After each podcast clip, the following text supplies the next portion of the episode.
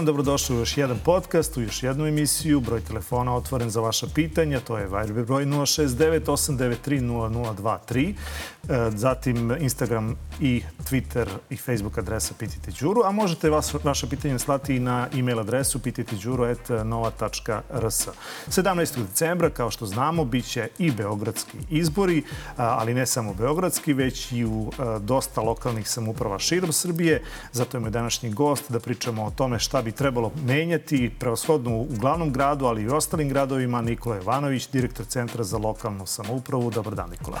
Dobar dan, hvala na pozivu, Đuro. Ajde krenemo od Beograda. Dakle, e, ovih e, nedelja aktuelna je bila vaša e, ajde, nije prepiska, ali, ali sukob mišljenja, može to da. tako najblaže da se nazove, sa odlazećim gradonačelnikom, to jest predsjednikom privremenog organa i kandidatom ispred SNS-a za gradonačelnika Beograda, gospodinom Šapićem. E, pale su tu dosta teške reči, bar s njegove strane koliko sam ja uspeo da ispratim, ali e, da to stavimo po strani, dakle, nego ajde da govorimo o, o činjenicama. Jedna od stvari gde vi kritikujete odlazećeg gradonačelnika jeste gradski prevoz. Koje su te ključne tačke kritike e, prema e, gradskom prevozu ne samo ovog gradonačelnika, nego i unazad e, godinama, možda i decenijama?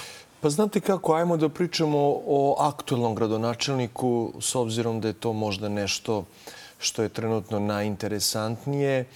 Njegovo predizborno obećanje je bilo da će, ajde da kažemo, srediti javni prevoz i GSP kao glavno gradsko preduzeće koje obavlja javnu uslugu gradskog prevoza. Šta se desilo posle godinu i po dana? E, desilo se da je on nastavio i preuzeo nabavku loših gasnih autobusa turske proizvodnje marke BMC. Pritom, iako ih je kritikovao i nabavku i uopšte stratešku odluku da javni prevoz u Beogradu pređe na gas, što je zaista strateški i ekonomski i ekološki loša odluka. Znači, nastavio je tu e, politiku gospodina Vesića, pritom nije završena gasna punionica u depou e, GSP-a Karaburma. E, takođe, najavio je nabavku boljih i vozila i tramvaja i trolebusa. Od toga nije bilo ništa. Obećao je da će učiniti da naplata u javnom prevozu bude veća kako bi se rasteretio gradski budžet i onda iz tog rasterećenog gradskog budžeta preduzimale neophodne investicije. Od toga nije bilo ništa. Raskinuje stari sistem koji doduše e, nije bio dobar, koji sam ja kritikovao dok je on čutao kao zaliven, iako je u vreme kada se obnavlja ugovor sa Kent Kartom, on već bio šef da kažemo, SNS-a za Beograd i potencijalni kandidat za gradonačelnika. Tu je rizikovo penale za Beograd. E, zatim vratio je opremu vrednu sigurno 10-12 miliona evra koje je mogla da koristi gradu pošto je prešla u gradsku svojinu. E, takođe, potrošio je prema mojim informacijama milijardu i po na novi sistem um, u autobusu ovih terminala i za aplikaciju, a takođe potrošeno je još 3 milijarde dinara, sve bez tendera, kako bi se taj novi sistem zaokružio. Tu govorim pre svega ovim tablama na stajalištima, infotablama. Ajde da krenemo šta redom. Smo, šta smo mhm. -huh. dobili? Znači, hoću samo da kažem, uh, uložio je ogromna sredstva iz budžeta. Rezultat je nemamo bolji javni prevoz, u riziku smo od penala, bacili smo vrednu opremu, manje se karata prodaje u Beogradu i izuzetno je gotovo za 45% manja naplata. Znači i to mora da se kompenzuje iz budžeta. Tako da ja ga kritikujem zaista ne na osnovu toga što imam bilo šta protiv njega lično. Meni on bio simpatičan i kao sportista. Mi smo se i upoznali dok je on bio predsednik opštine Novi Beograd, a ja gradski odbornik, iako tvrdi da ne zna za mene, ovaj, nema veze, ovaj, pitao me i za, i za savet i za sve to, fino smo pričali, onda kaže da ne zna ni šta je ni centar, ni ko sam ja, sve je to u redu, ali nije odgovorio na ove ključne stvari. Zašto je manje prodatih karata po On njegovom kaže da sistemu. nije u njegovom sistemu manjih prodatih karata. Je bilo u prvom mesecu, dakle ja sam ga slušao to.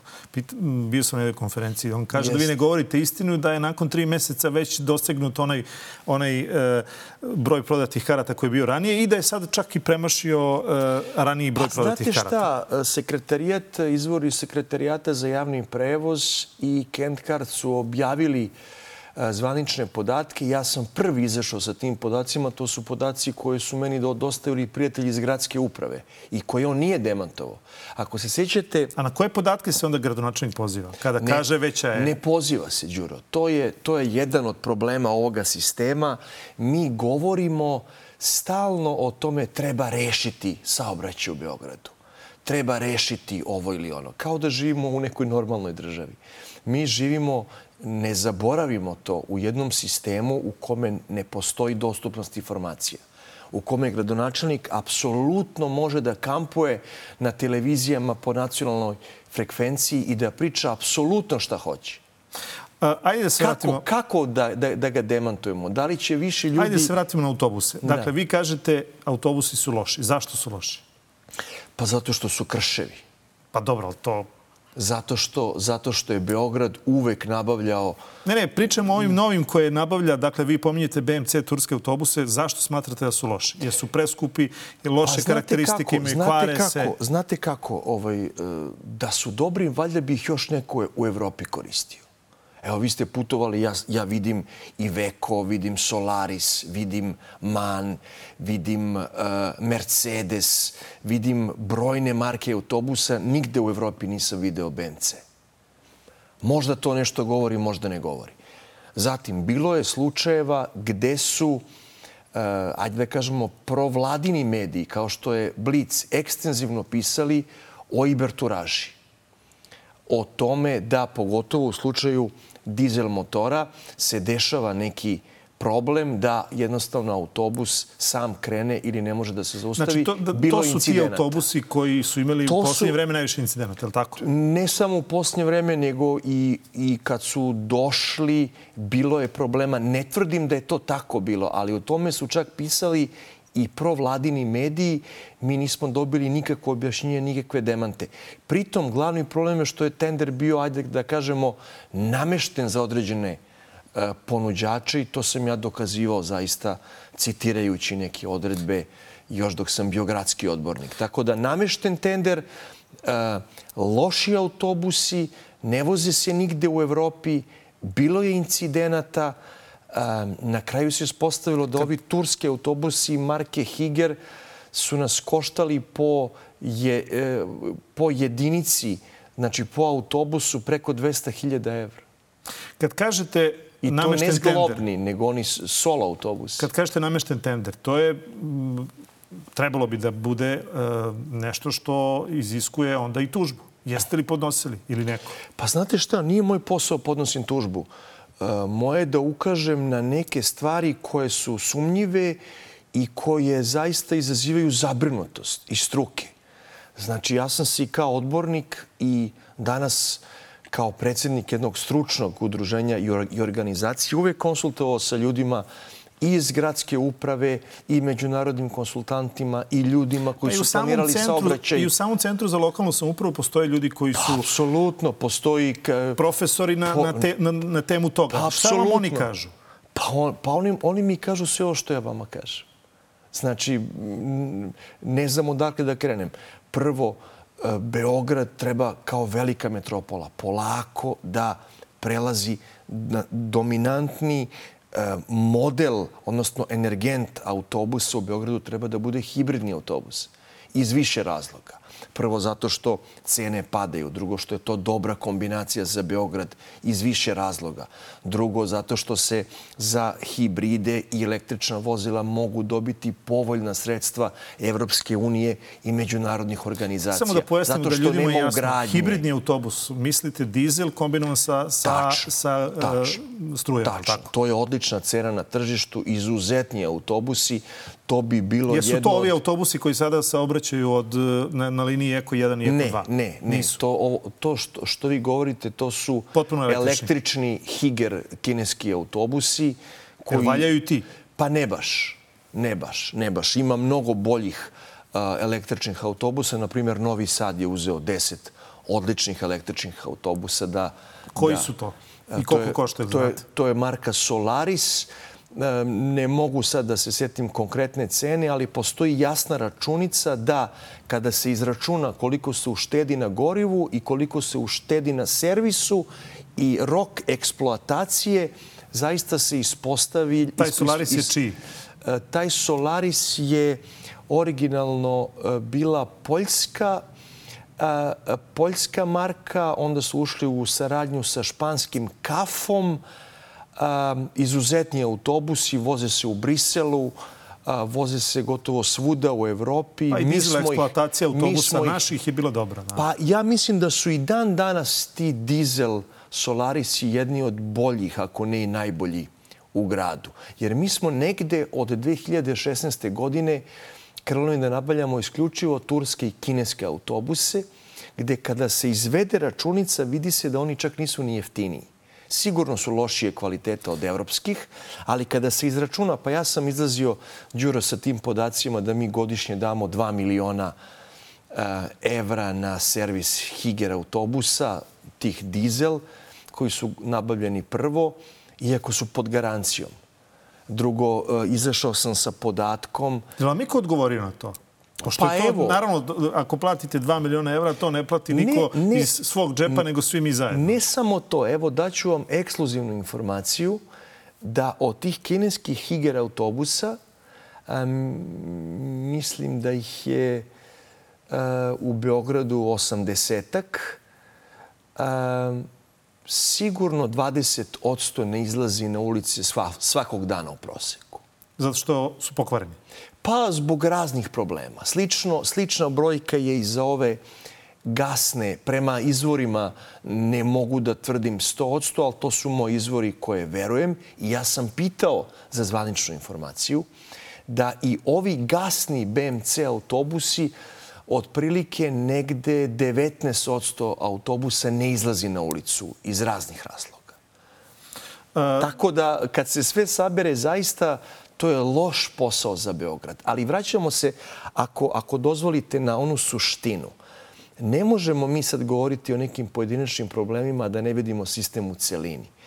E, jednostavno, danas u Beogradu, u gradskoj upravi, na čelnim mestima su isključivo partijski ljudi koji traže uhlebljenje i čija je, čiji je jedini kvalitet lojalnost glavnom čoveku. Glavnom čoveku u gradu ili nekome iznad njega.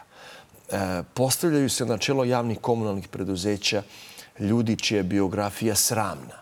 Pogledajte, ja sam o tome govorio da sad ne, ne spominjem imena, pa to su ljudi koji, su, koji se danas bave naplatom prevoza, saobraćajem, iz, izgradnjom puteva. To su ljudi koji su estradni menadžeri, koji su, jedno pitanje koji su taj... držali pizzerije, koji, koji imaju neke lažne ili neke karikaturalne diplome. Tako da teško je uopšte govoriti o ozbiljnim stvarima u situaciji kada mi nemamo sistem. Mi moramo da napravimo sistem u kome dolaze ozbiljni ljudi, profesionalci, pa da imamo neku diskusiju pa da dođemo do najboljih rešenja. E, podatak je da je u 2013. taj Solaris autobus koštao 320.000 e, evra, a sada ga Novi Sad plaća duplo skuplje. Je li to toliko poskupilo ili je to reč opet o, o, o nekom tenderu koji je bio... Znate šta, ja, ja, sada su kupljeni, ako se ne varam, Solaris električni autobusi. Novi Sad, 10 komada. U Novom Sadu. Tako da je to ovaj, drugačija stvar. Znači ali... on je duplo skuplji nego dizel autobus? E, znate kako, to, to najbolje da razgovarate sa, sa predstavnicima i Novog Sada i, i ponuđača. Koliko ja čujem i računice koje sam gledao, to jeste dobar dil zato što u eksploatacijonom roku onoliko koliko se uštedi na servisu, na energentima, na povoljnim kreditima, na zaštiti životne sredine, na drugim uštedama, to je, bolje to, ovaj je, to je dobar dil. Jasne. Mada naglašavam, smatram da je za dvomilionski grad u ovom momentu možda najbolje ti hibridni autobusi, a da ima malo pameti mi bi kupili makar jedan ili dva autobusa na vodonik da se učimo najnovijim tehnologijama, da vidimo kako to funkcioniše, kako se pokazuje u gradu. Mi bi se, Đuro, već uveliko pripremali za budućnost. Dobro, ajde sada e, Gasni malo samo da se dotaknemo, prošlost. da se samo dotaknemo malo naplate karata. Dakle, da. Kolika je ona zaista? Je li ova smanjenje cene karata doprinulo tome da ljudi više kupuju karte, ne, manje? Ne, Šta se dešava? Nažalost, ideja gradonačelnika je bila ili je deklarativno bila da niža cena karata dovede do veće kupovine karata i do prelaska E, određenog procenta ljudi iz privatnog prevoza na javni prevoz. To se međutim nije desilo iz više razloga. Prvo zato što je sistem praćenja i GSP-ovih i privatnih autobusa e, dosta degradiran. Drugo, apsolutno nije postojala kontrola još uvek je slaba u prevozu zato što je gradonačelnik prvo govorio da će to raditi ovi beli, odnosno komunalci, pa je onda zapošljavao neke silne kontrolore koji opet ne kontrolišu autobusima, nego čistoću autobusa na polaznim stanicama. Znači, jedan sistem zaista koji je potpuno haotičan i koji, je, i koji nije doveo do toga da građani ozbiljno shvate novi sistem. I poruka... A šta je s mesečnim kartama? E, mesečne karte su u totalnom padu, da ne kažem da izumiru, iz prostog razloga što je gradonačelnik uveo sistem koji nije zaživeo nigde u Evropi, a to je da se uglavnom karta plaća pojedinačno i to putem SMS-a. Čime su građani izgubili motivaciju da uzimaju mesečne i godišnje karte, na čemu počiva svaki sistem finansiranja javnog prevoza u Evropi, a pritom ta kupovina SMS kartom deluje jednostavno, jesu zaista niže cene i u nekom idealnom svetu to bi možda bila i dobra vest. Međutim, ja sam ukazao od starta na jedan problem, na jedan bug, a to je da vi kad nemate jasnu kontrolu, kada nemate posticaj da kupujete mesečne godišnje karte, šta ćete raditi? Pa vi ćete prosto pripremiti SMS e, i vi ćete bukvalno taj SMS pustiti samo kada vidite onog čiku u komunalnoj I to se i uniformi i to se apsolutno dešava. Ja sam gospodina Šapića upozorio najprijateljskije. Rekao sam, desit će se da ljudi pripreme da pošalju pojedinačni SMS od 50 dinara samo kada vide komunalca.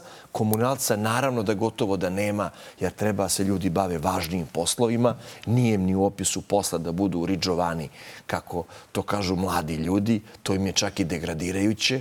Postoje kontrolori koji su za to obučeni i licencirani.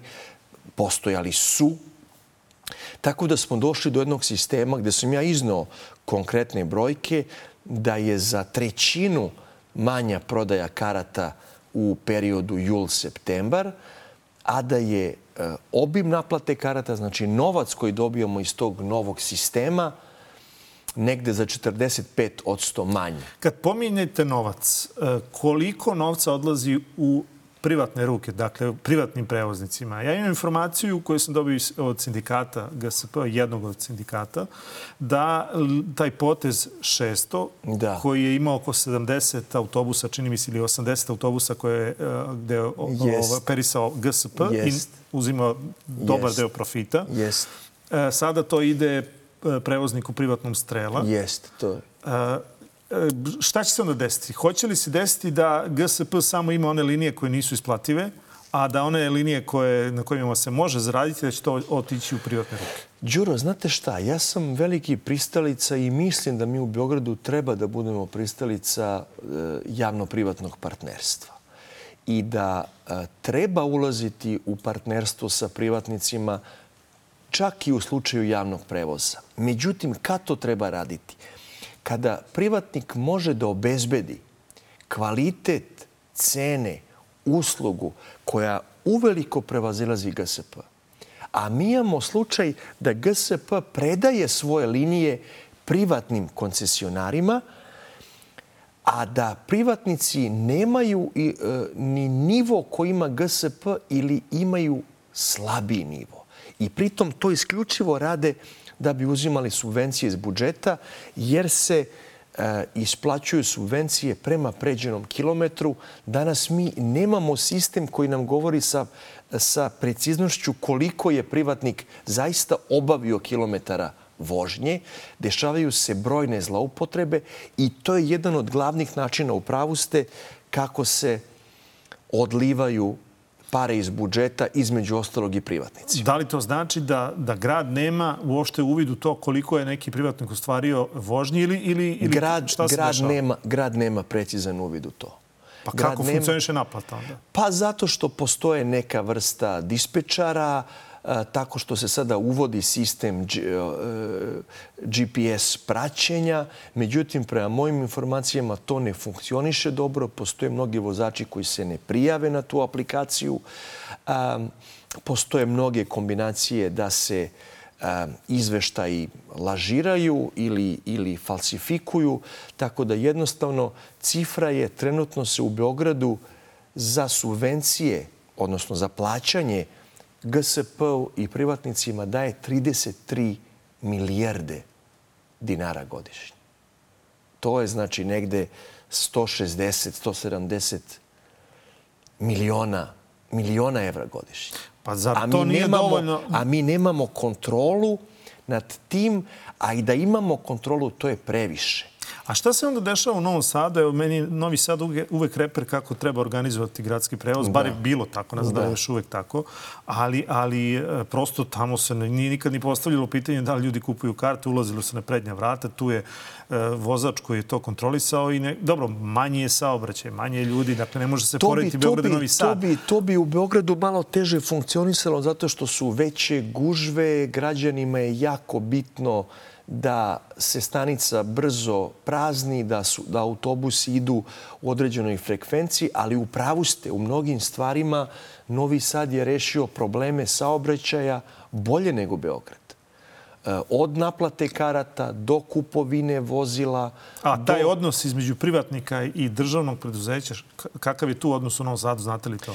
Pa sad ne mogu da vam kažem precizne, precizne brojke, ali, ali definitivno smatram da u Beogradu GSP ne treba da predaje nove a, linije i nove poteze privatnicima dok se ne uradi jedna dobra revizija svih privatnih prevoznika, dok se ne vidi tačno da li oni obavljaju uslugu koja im je plaćena, ko stoji za njih, da li tu ima e, mahinacija i izlačenja para. Tako da novoj vlasti u Beogradu sledi jedan ogroman, ogroman posao, a toga nema dok se ne postavi neki novi sistem na mesto o čemu smo pričali. Kada i ko dođe posle tog 17. decembra uh, u Beograd, šta biste ga vi savjetovali? Dakle, vidimo šta dešava sa metrom. Pa sa metrom se dešava da metro kasni godinu i po dana, već sada. Metro kasni već godinu i po dana, a trebalo je uveliko da, da počne izgradnja stanica i tunela. Trebalo je već uveliko da se pređe na suštinske radove. Mi u suštini imamo početak izgradnje e, depoa u Makišu, što, opet kažem, je faza koja je trebalo da se radi pre godinu i po dana. Tako da ja zaista nisam optimističan po pitanju metroa. A zbog čega se kasni? Pa znate kako, kasni se e, iz dosta razloga. Jedan je ono što sam ja tvrdio od starta, ovakva verzija metroa je preskupa za isplativost koji će metro doneti. Drugo, mi imamo situaciju, mi imamo upravljački problem. A, a to je da ljudi koji su, ono što smo pričali, koji su na čelu um, glavnih institucija, evo imamo i slučaj JKP, Beogradski metro i voz, da su diletanti na čelu e, tih preduzeća. I imamo strateški problem, a to je da Beograd nema još uvek generalni plan. Nema ni ažuriran master plan saobraćaja. Tako da mi ne znamo kojim prioritetima Đuro radimo. Da li je, prvo se go- govori metro je prioritet. Onda gradonačelnik kaže ne, meni je prioritet ovaj mali metro novi Savski most i tunel koji treba da iziđe na 29. novembra. Despota Stefana novi naziv. Tako da mi imamo koliziju različitih nivoa vlasti, različitih prioriteta. Imamo jedan potpun upravljački i finansijski haos. I ja sam iskreno zabrinut za Beograd. Ja se bojim da ćemo mi u narednim godinama ostati i bez metroa i bez tog malog metroa, jer i to ide jako sporo i da će nam se desiti da procenat saobraćaja koji se obavlja privatnim e, automobilima dostigne 30 u Beogradu, što će značiti da Beograd staje. Zar on nije već na tom nivou? On je negde 22 privatni. 22% e, su privatni automobili. Raste prema nekim našim projekcijama i modelima. Ako dostigne 30, Beograd će bukvalno stati. Ajde da se vratimo na ove, na ove sa, savete. Dakle, može. šta biste savjetovali kad bi, kad bi vas neko pitao šta biste savjetovali? Prvi korak prvi Nakon korak. 17. decembra, koje su to ključna, ključne teme? Je li prvi, metro taj? Je li ova linija? Je promjena linije? Šta prvi je? korak mora biti sređivanje gradske uprave javnih komunalnih preduzeća. To mora biti prvi korak, jer ako se to ne uradi, Beograd ne može da funkcioniše. U kom smislu sređivanje? U Smanjivanje smislu, broja, broja zaposlenih, dovođenje stručnog kadra? Ne šta? mora se smanjivati broj zaposlenih. Dovoljno je da ti zaposleni se oposle i da rade pametne stvari. E, Beograd je veliki grad e, sa velikim komunalnim sistemom. U pametnom rukovodđenju svako može imati svoje mesto. Ako negde ima višak radnika, ti radnici se mogu oposliti da sutra se bave e, upravljanjem ili nadzorom nad sistemom prečišćavanjem otpadnih voda. To je neka nova faza u komunalnom sistemu Beograda ne trebaju se formirati nova javna komunalna preduzeća poput Beogradskog parka koji jesu li ti ljudi iz Beogradskog parka sad koji rade u Beogradskom parku jesu li to ljudi koji su bili zaposleni u, u Zelenilu pa jedan, pa prešli u, jedan u Beogradski deo, park? Jedan deo Mislim, pre... zašto je što je to rađeno? Pa znate zašto je to rađeno? To je rađeno da se zaposle e, partijski vojnici gradonačelnika. To je, to je, to, znači, to, to su neki novi ljudi, to, to nisu ljudi koji su bili pazite, zaposleni u, u Jedan, jedan deo uh, su novi ljudi, jedan deo je preuzet iz Zelenila, ali kad imate novo preduzeće, onda imate mogućnost za nove nabavke, onda imate novi kancelarijski nameštaj, novi kancelarijski pribor, onda su to nove nabavke, novi ugovori, onda su to naravno nove plate, pošto stalno raste broj zaposlenih, nisu svi preuzeti, nego se zapošljavaju novi. To je čitav jedan, upotrebujući Đuro jako reč, parazitski partijski, partijsko-parazitski sistem koji dovodi do odlivanja para pa i paralize u Beogradu. Jer kada imamo sistem od 15 javnih komunalnog preduzeća, još toliko preduzeća koji imaju neke komunalne nadležnosti, brojne ustanove, e, e, druge institucije koje ne rade svoj posao, koje ne rade svoj posao, gde se zapošljavaju neki ljudi bez volje da rade, bez stručnosti, bez diploma, eh, bez motiva da se bave javnim poslom, onda imamo ovo što imamo danas. Dobro, sem sređivanja gradske uprave i eh, uvođenja reda u javna komunalna preduzeća, koji bi bio sledeći korak? Pa sledeći korak mora biti da se dalji razvoj Beograda isplanira, Znači, prvi korak mora biti kada dovedemo u red javno-komunalna preduzeća i gradsku upravu, prva dva strateška dokumenta moraju biti uh, generalni plan za Beograd. Koji kasni godinu i po dana. Koji tako. kasni godinu i po dana. A to je plan koji treba da nam obezbedi jedan okvir i jednu viziju kakav grad želimo i sve ono što radimo u kom pravcu treba da Može li taj plan eventualno da poništi izgradnju ekspoa i premeštanje sajma ili rušenje sajma ili pa još taj, neke takve, pa taj, takve taj stvari bi, koje su... Taj bi plan, Đuro, trebalo da nam da odgovore na pitanja uh, ok, mi smo dobili ekspo. Ja koliko shvatam, A, niko, to će biti lek specialis. Da, ali koliko ja shvatam, niko ne želi da, da održavanje te izložbe vrati ili da Beograd odbije to. Ali taj plan treba da nam da odgovor na to kako da iskoristimo Expo, kako da napravimo, da li nam je postojeći sajamski prostor dovoljan ili nam treba novi koji se planira. Kako da ga iskoristimo, kako da on bude u funkciji ekonomije, industrije, grada i kada se završi izložba 27. A čekajte, zar mislite, zar mislite sa... da ti ljudi koji su doveli Expo kod nas, da oni nemaju taj plan šta posle kad se završi Expo? Pa nisam siguran. Reći će vam da imaju. Nisam siguran. Pa znate šta, reći će nam i gospodin Šapić da je naplata A to super. dobro da dođe kod nas ili ne? Jeste. Ja mislim da jeste. Ali da vam nešto kažem.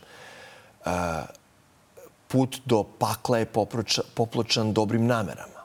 Svaka i najbolja ideja može da se zloupotrebi ili da se, pre, da se pretvori u sobstvenu krajnost. Da li je dobro da u situaciji kada je Beograd e, prepoznat pre svega po splavovima, ćevapima i lepim devojkama, ima neku manifestaciju i neki prostor gde može da predstavi neke druge sadržaje, pa naravno da je dobro. Ali, ajmo da napravimo da ta ekspo izložba i ti novi kapaciteti koji se grade u Surčinu budu od interesa za građane i proizvode neku dodatu vrednost i od 27. godine. Ajmo da isplaniramo kakav to prostor želimo, šta ćemo s tim prostorom raditi u budućnosti, šta ćemo raditi s ovim sajanskim prostorom koji napuštamo sada. Ja mogu da se složim da je ovaj postojeći prostor neadekvatan za velike manifestacije. Ali da li je i neophodno i poželjno da ga pretvorimo u još jedan stambeni blok? Nisam siguran. Ajmo da osmislimo ovaj prostor i, o, i ove hale koje su pod zaštitom, kako da ih iskoristimo i za neke kvalitetne javne sadržaje. Ajde da ne pravimo samo uh, stambene zgrade i stambene blokove, pogotovo kada vidimo da, da, da polako puca taj stambeni mehur. Tako da na sve te odgovore treba da da, e, na sve te stvari odgovor treba da da generalni plan. Takođe ovo što sam rekao, treba nam master plan saobraćaja. Šta je u Beogradu prioritet? Metro ili ovaj mali metro? E, koliko će saobraćaja rešiti metro? Evo, reću vam ja, 10-11 odsto. Ne više od toga. Znači, mi dalje moramo planirati tramvajsku mrežu, poboljšanje glavnog podsistema, a to je autobuski saobraćaj. I zato ja toliko govorim o tome. Ali evo ja ovu priču slušam ne samo od vas, nego bukvalno kogod je se u tu stolicu i, i, i pre toga i, i verujem da će tako biti i u nekim narednim godinama. Mi samo pričamo o tom metrou. Dakle, mi evo 30, 40, 50 godina pričamo hoćemo li laki, hoće šinski, ovakav, onakav. Daj da Pa imali, imali uopšte načina da se on ikada započne, ozbiljno da se započne gradnja metroa ili je to zaista vezano za ulazak u Evropsku uniju, za neke fondove koji će to da, da pokrpe, kao što se to desilo u suštini sa svim zemljama istočnog bloka koje su ušle u, u Evropsku uniju. Đuro, zna... Primer za to je, evo recimo, Đuro. Sofija koja ima, koja ima uh, već, gradi se treća, treća Đuro, linija metroa. Đuro, znate kako? A, ja ne znam šta su prethodni gosti ovde pričali. Ja se trudim, trudim se možda ne uspevam uvek, da budem vrlo precizan. Znači, konkretno, e, za autobuske podsisteme, gasni, reše, gasni autobusi nisu rešenje. Trebaju nam kvalitetni hibridni i električni autobusi. Treba nam nova tramvajska mreža. Treba nam barem dva mosta u Beogradu. Sve to već trebalo i moglo da bude završeno. Vaše pitanje za metro – nema velike mudrosti. Beograd se prostire pravcem sever, jug, istog, zapad. Glavni pravci su opština Novi Beograd i a, Vukov spomenik i dalje Ustanička i Radnička ulica sever-jug, gore do, do kroz centar grada a, Ada, Ada Huja Mirjevo. To su dva elementarna pravca. Dva najopterećenija pravca u Beogradu su trenutno Radnička ulica i Brankov most. I metro treba, treba da reši te dve stvari. I nema tu neke nauke, nema tu mudrosti svakog e, koji je bio na nekoj funkciji a sedne u ovu stolicu, samo ga pitajte što niste uradili nešto. Evo ja vas to pitam, što nisu oni uradili? Pa ja nisam bio gradonačelnik. Pa bili ste odborni gradski. Dakle, pa gde je tada sam, zapravo? Pa bio sam i vrlo sam, evo ovo što vam govorim, vrlo sam konkretno predlagao da Beograd je dvocentričan, imamo metro koji te, treba Dobro, da li je to jedina tačka sporenja? Dakle, te linije, pošto mi stalno linijama pričamo, možda crtamo šta god hoćemo, i predsjednik na tabli i svi mi ovde na papiru. Dakle, je li, jesu li linije glavna tačka sporenja ili nešto drugo problem? Pravac, Građevinski problemi... Pravac je bio problem. Zatim, problem jeste i finansiranje. Da je metro 3 milijarde skočio na 6 milijardi pojavili su se i neki problemi koje sam ja takođe kritikovao. Evo, vama obećam. Ali on neće koštati jeftinije. On može samo da poskupi e... pri ovakvoj e, ekonomskoj situaciji koja je u, u svetu. Ali, ali, ali cena od 6 milijardi je bila i pre rata u Ukrajini, i pre inflacije, i pre svega. Sada će verovatno ići na 9-11 milijardi. Što je veliko pitanje da li Beograd može da podnese. Pa čak i Srbija. I šta onda? Pa to je sad pitanje jedno ozbiljno. Zovite me sa još par kolega u novu emisiju da razmatramo da li će Beograd ikada dobiti metro, ali ajmo da pođemo od optimističnog scenarija da nam zaista treba i da ćemo moći da ga napravimo. E, ja sam kao odbornik kritikovao neke stvari koje i danas moraju da se poprave. Nemoguće da Beogradski metro nema direktnu konekciju, odnosno ne prolazi kroz Prokop da ne prolazi kroz de facto glavnu železničku stanicu, a to je ona na Novom Beogradu. Da se ne seku dve linije tamo gde se najviše koriste automobili, gde ima najviše um, prelazaka, a to, je, to su terazije, odnosno trg Republike. To su neke elementarne stvari koje može da vam kaže moja tara od, od, od 9 godina. A kamoli brojni saobraćeni stručnjaci i planeri koje Srbija ima – Srbija ima jednog gradu Stefanovića, Duleta Milanovića, Karla Polaka, kod vas su bili gosti Bojan Kovačević, Borislav Stojkov, izuzetni planeri, saobraćeni inženjeri. Srbija ima najbolju inženjersku i planersku elitu u regionu. Ja to... Koju niko ništa ne pita, Tačno. Očigledno. To je problem. I zato vam, Đuro, kažem, možemo mi da pričamo i, nažalost, da, da, da tupimo zube, što ja ne volim. Ja sam čovjek od akcije. Ja sam čovjek koji ima konkretne predloge i, nadam se, jasne i precizne stavove. Ali dok ne budemo imali gradsku upravu koja sarađuje sa univerzitetom, sa takvim ljudima, ako neće da rade za gradsku upravu, dajte im neki ugovor platite te ljude pošteno, ali da, naprave, da napravimo jedan dobar plan i saobraćaja i razvoja Beograda. Jedna tema od koje meni se čini beži svaka gradska vlast, to je izgradnja kanalizacije Tač. u Borči. Prepostavljam, novac opet je u pitanju, veliki projekat, dosta problema, ali Hoće li se i jedna vlast uhvatiti u koštac i zaista izgraditi tu kanalizaciju u Borči i da ti ljudi žive shodno 21. veku? Đuro, ja samo mogu da kažem u moje ime, ako ikada budem u nekoj gradskoj vlasti, uradit ću to. A mislim da definitivno e, to mora da se uradi iz milion razloga. Beograd treba da ima i rečni turizam, i rečni javni prevoz, i međunarodni rečni transport. E, građani treba da imaju e, civilizacijske uslove i da rade i da uživaju i da e, imaju i mogućnost prevoza i odmora i razbribrige na svojim rekama. To se ne može raditi ili dobar deo toga se ne može raditi dok izlivamo svu kanalizaciju u Savu i Dunav i nehigijenski je i nezdravo i neturistički i ne beogradski i ne patriotski i to mora da se uradi. Koliko to košta? Tehnologije, znate kako? Tehnologije napreduju. A, ne mogu da vam kažem sad koliko košta zato što su trenutni a, predlozi jako loši.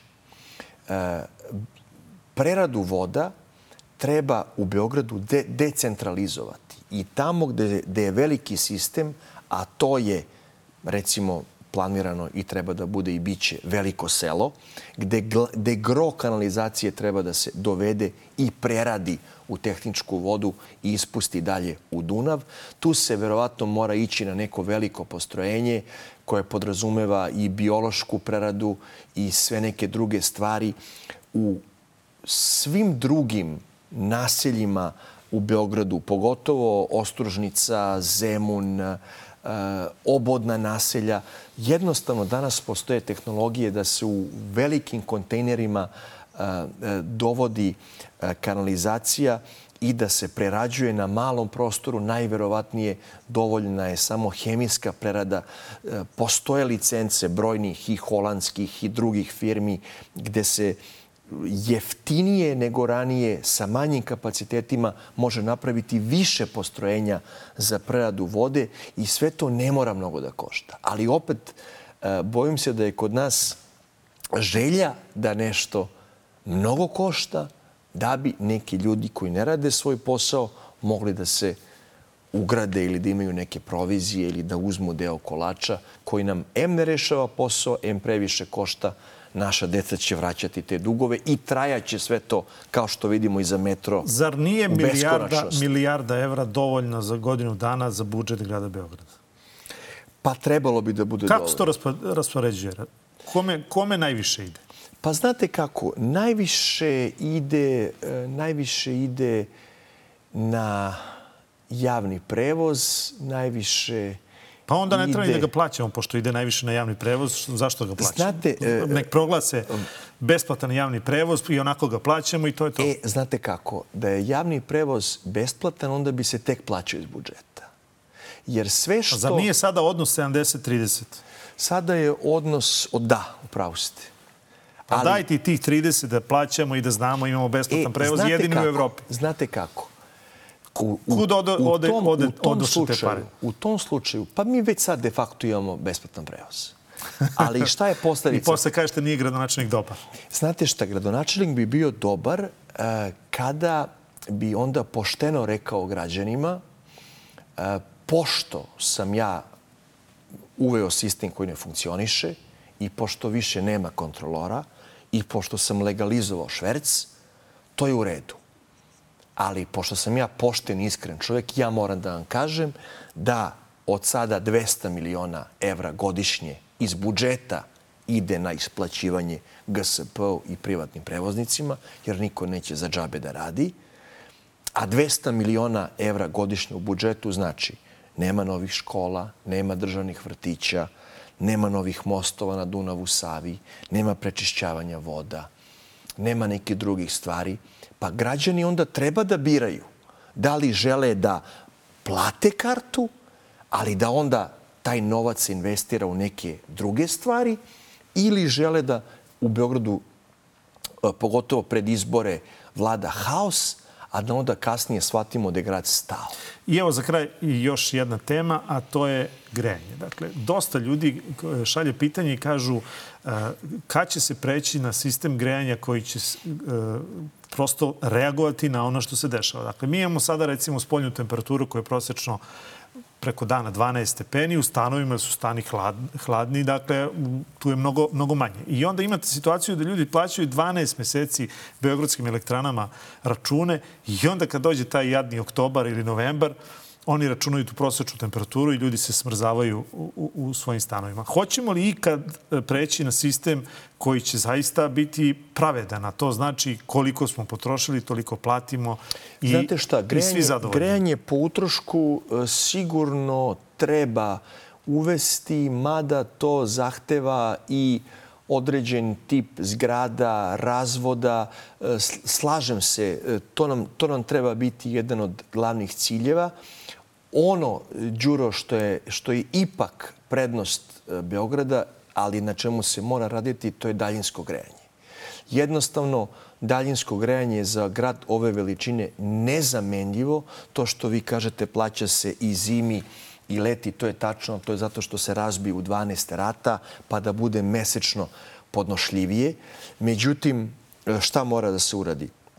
Moramo da uštedimo na gorivu, jer umesto da ste grejemo na gas, što niko pameta ne radi, treba da se priključi toplana na otpadnu toplu vodu i višak pare koji se proizvodi iz tenta. Time ćemo dobiti jeftiniji energent.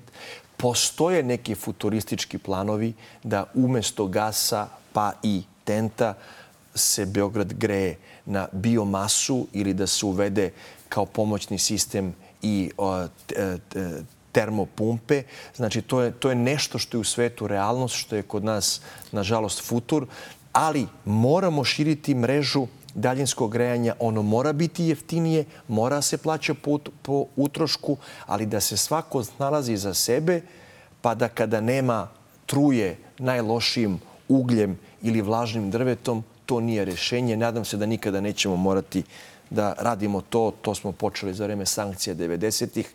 Cenu i dan danas plaćamo. Ali zar nemamo već to kada krene to hladnije vreme? Mi uvek smo među prva tri najzagađenije grada. Ako ne u svetu, onda to bar u Evropi. To je upravo zato što se sistematski ne širi mreža daljinskog grejanja, što nema dovoljno javnih investicija u gradu i to je ono što ste me vi pitali, da li je budžet od milijardu i po dovoljan za Beograd? Da, kada bi neko ozbiljan upravljao tim budžetom, mogli bi da uradimo i kanalizaciju i da proširimo daljinsko grejanje i da kupujemo kvalitetna vozila i da uvedemo prečišćavanje voda ali onda bi morali da žrtvujemo partokratiju, parazite, stranačku vojsku, da očistimo javna komunalna preduzeća, gradsku upravu, da se ne odlivaju pare, da nema pljačke, da nema provizija.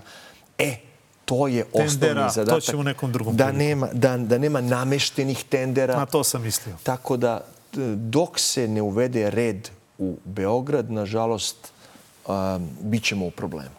Hvala puno na izdvojnom vremenu, na razgovoru. Hvala Moj današnji gost bio Nikola Jovanović, direktor Centra za lokalnu samoupravu, a broj telefona otvoren i za vaše pitanje 069 893 0023. Nametnite temu. E, takođe možete slati vaše probleme i pitanja na Facebook, Instagram i X mrežu Pitajte Đuru ili na e-mail adresu pitajteđuru.nova.rs.